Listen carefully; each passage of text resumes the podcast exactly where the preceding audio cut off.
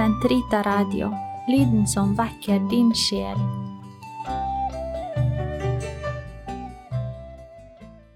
Kroppens teologi, en kommentar til pave Johannes Paul 2.s onsdagskatekeser av Eirik Ambrosius Stenhoff. Totus tuus ego sum, et omnia mea tua sunt, Archipio te in mea omnia, prebe mi cor tum Maria. Episode 11 Livet i ånden Er det mulig å leve på denne måten? Katekesene 50 63. Del 3 Kroppens etos i kunst og medier. Katekesene 60 63. Vi er kommet til slutten av den andre delen av triptyken om kroppens teologi, som handler om mennesket i den falne verden, og hvordan Kristus taler til menneskets hjerte og peker på en ny vei, for at vi skal kunne leve i pakt med kroppens opprinnelige betydning. De siste fire onsdagsaudiensene vier pave Johannes Paul 2. til en dyptloddende analyse av kroppens rolle i kulturen, og hvordan den fremstilles i kulturen.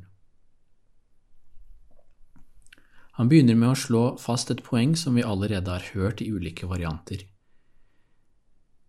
Kroppen er ikke en objektiv realitet som liksom eksisterer uavhengig av mennesket, sier han, altså av menneskets subjektivitet, dets jeg. Man kan ikke løsrive kroppen og sjelen fra hverandre på denne måten. Og det faktum at menneskelig erfaring alltid er en erfaring som finner sted gjennom kroppen, må være et grunnlag for enhver teologisk hermeneutikk eller tolkningsmetode. På samme tid er nettopp dette at vi lever gjennom vår egen kropp, som er utgangspunktet for alle problemene knyttet til det paven kaller for kroppens etos. Det gjelder jo særlig i relasjonen mellom mann og kvinne. Siden syndefallet har det eksistert en viss spenning, kan vi si, mellom dem, uttrykt gjennom begreper som skam og begjær. Dette er den teologiske og ontologiske bakgrunnen for all menneskelig kultur, slår paven fast. Ulike kunstformer har til alle tider forsøkt å fange noe av den særskilt menneskelige måten å være og å erfare kroppslighet på. Paven påpeker at det kunsten dermed fanger opp, til en viss grad eksisterer uavhengig av den kroppen som avbildes. Maleriet eller skulpturen, kan vi si litt enkelt, blir sin egen greie. Som paven uttrykker det, blir det en gjenstand for vårt blikk, for en estetisk erfaring.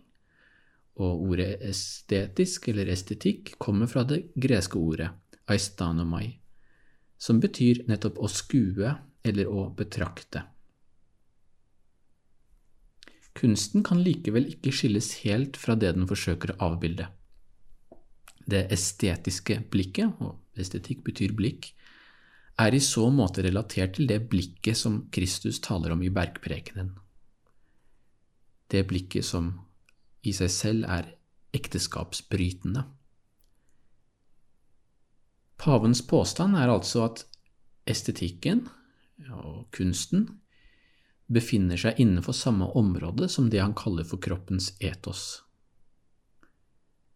Det vi hittil har sagt om syndefallets konsekvenser for menneskets blikk, og måten vi relaterer oss til kroppen på, har følgelig en innvirkning på kunsten, altså på måten vi fremstiller menneskekroppen. Det er altså ikke bare i mellommenneskelige relasjoner hvor det syndige begjæret eller tendensen til objektivisering av den andre personen finner sted. Dette finner også sted i kulturen og dens mange fremstillinger av kroppen, og i økende grad selvsagt i det moderne mediebildet. Med dette som bakteppe ønsker paven å studere nærmere det han kaller for menneskekroppen som en gjenstand for kultur. Johannes Paul 2. snakket om dette for akkurat 40 år siden, under fire onsdagsaudienser i april og mai 1981, som var de siste han holdt før drapsforsøket under onsdagsaudiensen 13. mai det året. Mye har endret seg siden den gangen, men tendensene paven beskriver, har egentlig bare blitt forsterket, så la oss se på, på noen av dem, på pavens analyse. Menneskekroppen har som sagt alltid vært en gjenstand for kultur, for menneskets kreative, altså dets skapende aktivitet. Disse kulturelle uttrykkene innebærer derfor alltid en viss form for objektivisering av kroppen. Paven trekker deretter et skille mellom de kunstformer hvor kunsten uttrykkes gjennom kroppen, som i teater og ballett og til og med i en viss forstand i en konsertsammenheng, og kunstformer der kroppen er modell for kunsten, som i skulptur, modellkunst, billedkunst. Deretter trekker han enda et nytt og kanskje enda mer radikalt skille mellom de sistnevnte kunstformene og kroppen slik den fremstilles i fotografi og på film.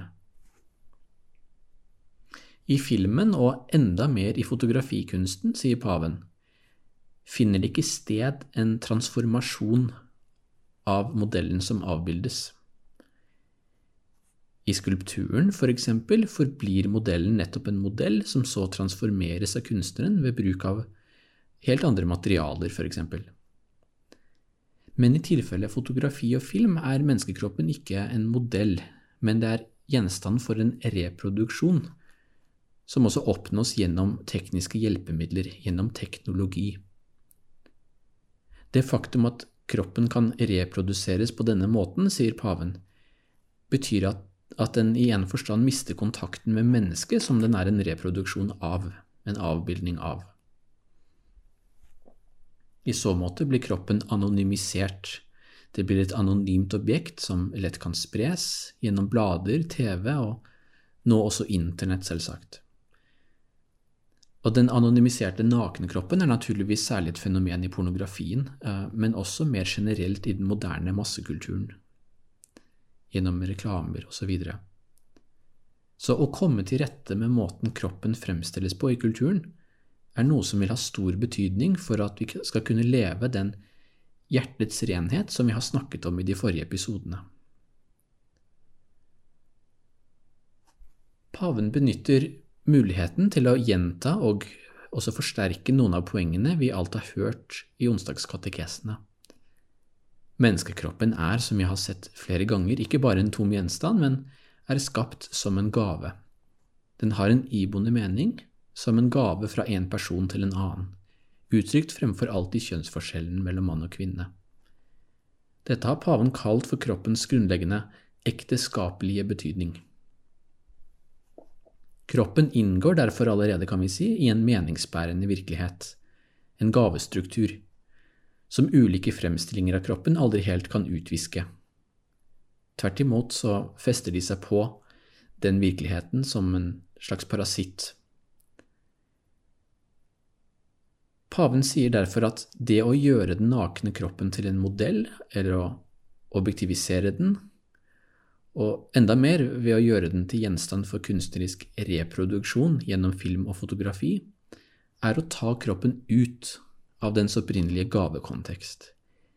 Den blir, per definisjon nærmest, et objekt som kan betraktes av mange i stedet for å være en, en gave. Så, men paven er forsiktig her med å understreke at han slett ikke tar til orde for et slags simpelt billedforbud.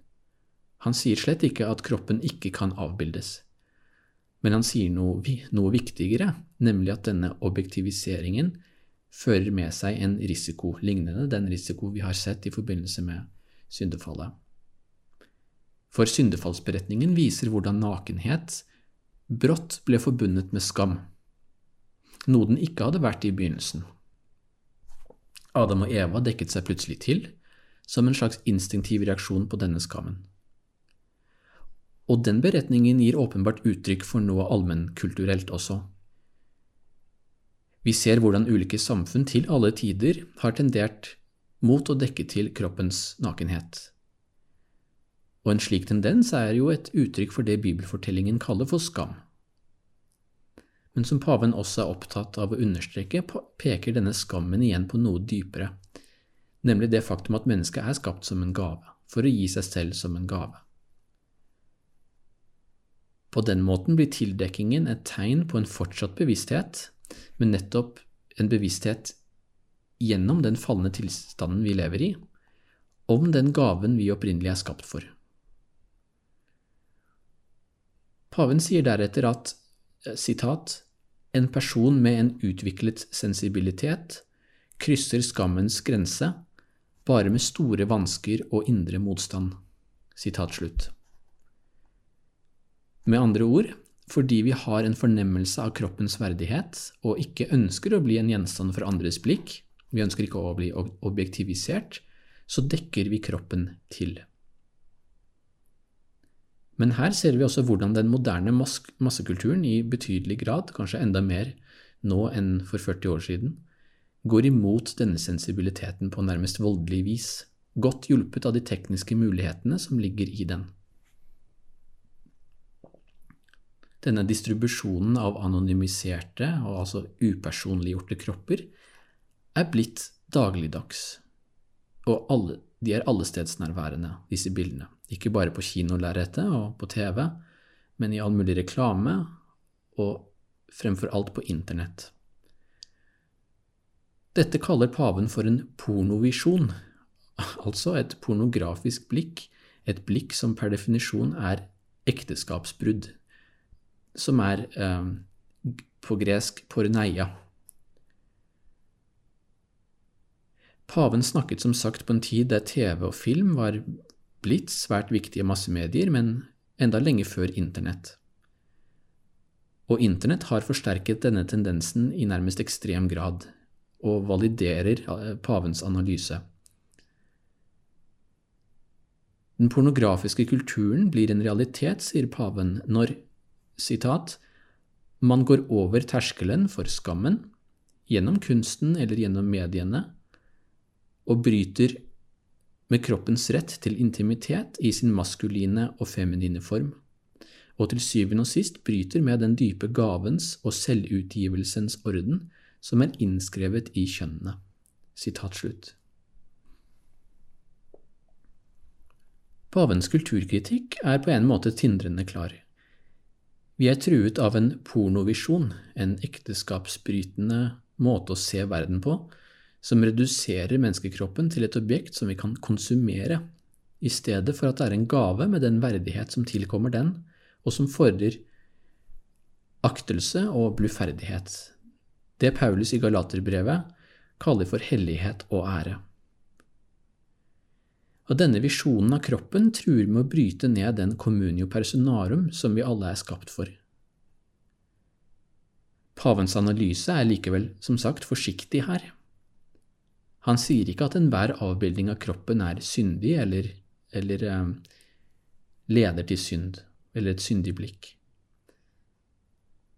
Her kan man f.eks. tenke på Michelangelos fresker i Det sextinske kapell, som det kanskje ypperste eksempel på en dypt kristen kunst med kristne motiver, som samtidig gjør bruk av hele den dynamikk og det potensialet som finnes i menneskekroppen.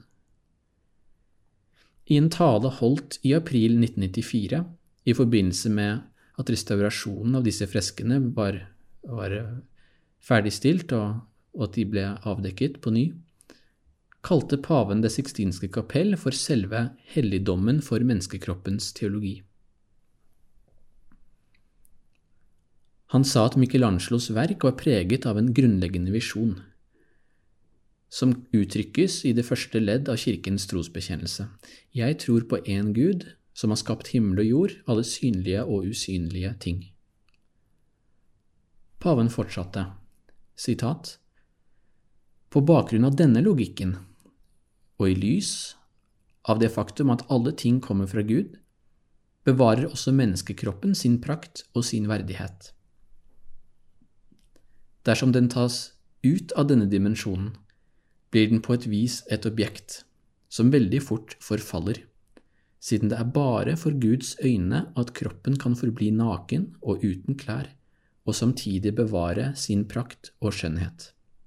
Sitat slutt.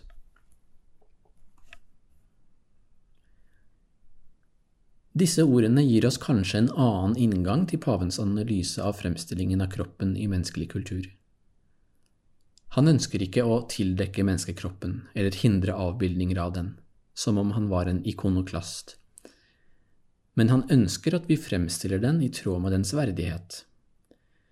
Dette har også store billedkunstnere og skulptører gjort til alle tider, ikke minst de som har vært inspirert av den kristne grunnfortellingen, som Michelangelo. I onsdagskatekesene nevner paven videre at det finnes mange kunstverker, og han nevner skulpturen i den greske antikken, hvor hele sannheten om mennesket så å si er forsøkt uttrykt gjennom fremstillinger av den vakre kroppen. Slike kunstverker er, i motsetning til pornografiske fremstillinger av mennesket, verken ment for eller egentlig har som konsekvens at vi ser på dem med syndig begjær. Tvert imot, sier han, så kan de hjelpe oss til å lære å se kroppens ekteskapelige betydning. Paven sier mot slutten, den siste setningen fra talen i Det sixtinske kapell, noe svært interessant. Han sier at det er bare for Guds øyne at kroppen kan bevare sin nakne skjønnhet. At Gud, det er bare Gud som kan fullt ut se den.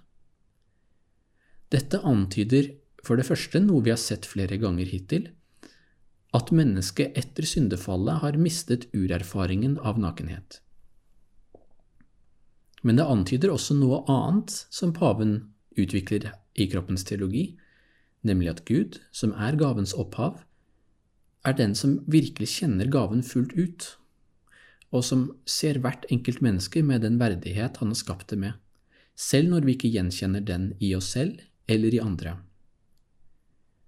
Den etter hvert dominante pornovisjonen i vår kultur truer derfor ikke bare med å trivialisere kroppene våre, men nettopp gjennom kroppene våre, som alltid forblir personlige kropper, trivialiserer mennesket selv og frata oss vår verdighet. I neste episode skal vi fordype noen av innsiktene fra den andre delen av triptyken om kroppens teologi. Vi skal se nærmere på pave Johannes Paul 2.s analyse av skammen, og hvordan denne analysen trekker veksler på en tenker som paven hadde studert som ung prest, den personalistiske filosofen Max Scheler. Gloria patri et filio et spiritui sancto, sicut erat in principio et nunc et semper, et in secula seculorum. Amen.